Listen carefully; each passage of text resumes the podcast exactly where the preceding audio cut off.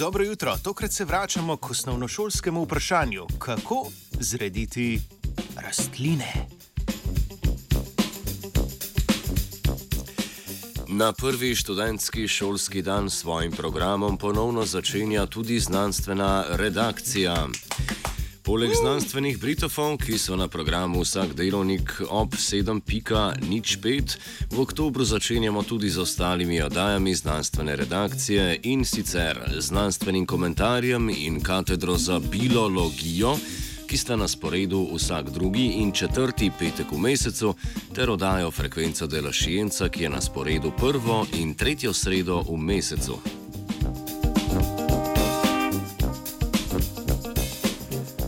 Novo sezono znanstvenih Britofov odpiramo z novico iz sveta rastlin. Raziskovalna skupina iz ustanove Brookhaven National Laboratory objavila študijo, v kateri so preučevali vpliv kopičenja sladkorja v celicah na sintezo maščob.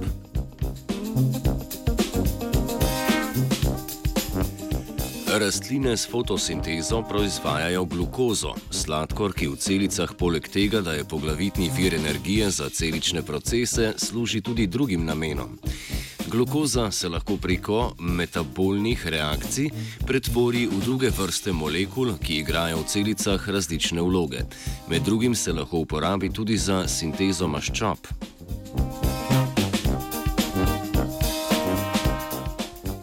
Glukoza, sicer monosaharid, se po rastlini običajno prenaša v obliki disaharida, imenovanega saharoza, ki ga sicer uporabljamo kot običajni namizni sladkor, sestavljen pa je iz ene molekule glukoze in ene molekule fruktoze.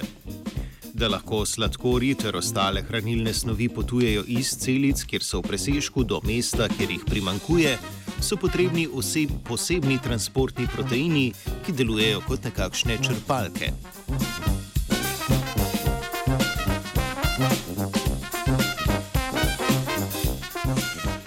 V omenjeni raziskavi so znanstvenice in znanstveniki na modelni rastlini Arabidopsis taljana preučevali povezavo med povečano koncentracijo glukoze v celici in sintezo maščob. Uporabili so gensko spremenjene rastline, ki so imele vtišan gen SUK2, ki je pomemben za transport sladkorja iz celice. Križali so jih z gensko spremenjenimi rastlinami, ki so imele vtišan gen ADG1 ki sodeluje pri sintezi škroba.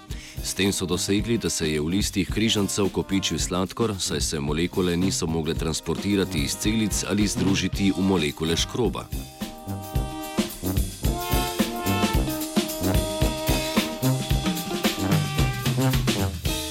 Križance so na to analizirali ter jih primerjali z rastlinami divjega tipa, torej z gensko nespremenjenimi.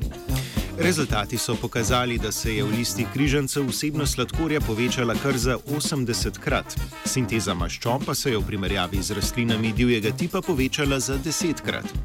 Opazili so tudi precejšnje povečanje izražanja nekaterih genov, udeleženih v biosintezo maščob.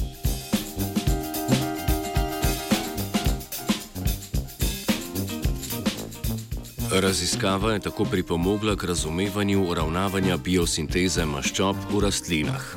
Izsledki pa bi bili lahko nekoč uporabni denimo pri proizvodnji biodizla.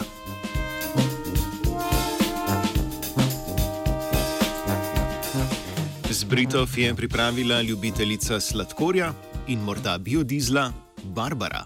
Umrite vsi z lepo postavo na 89,3.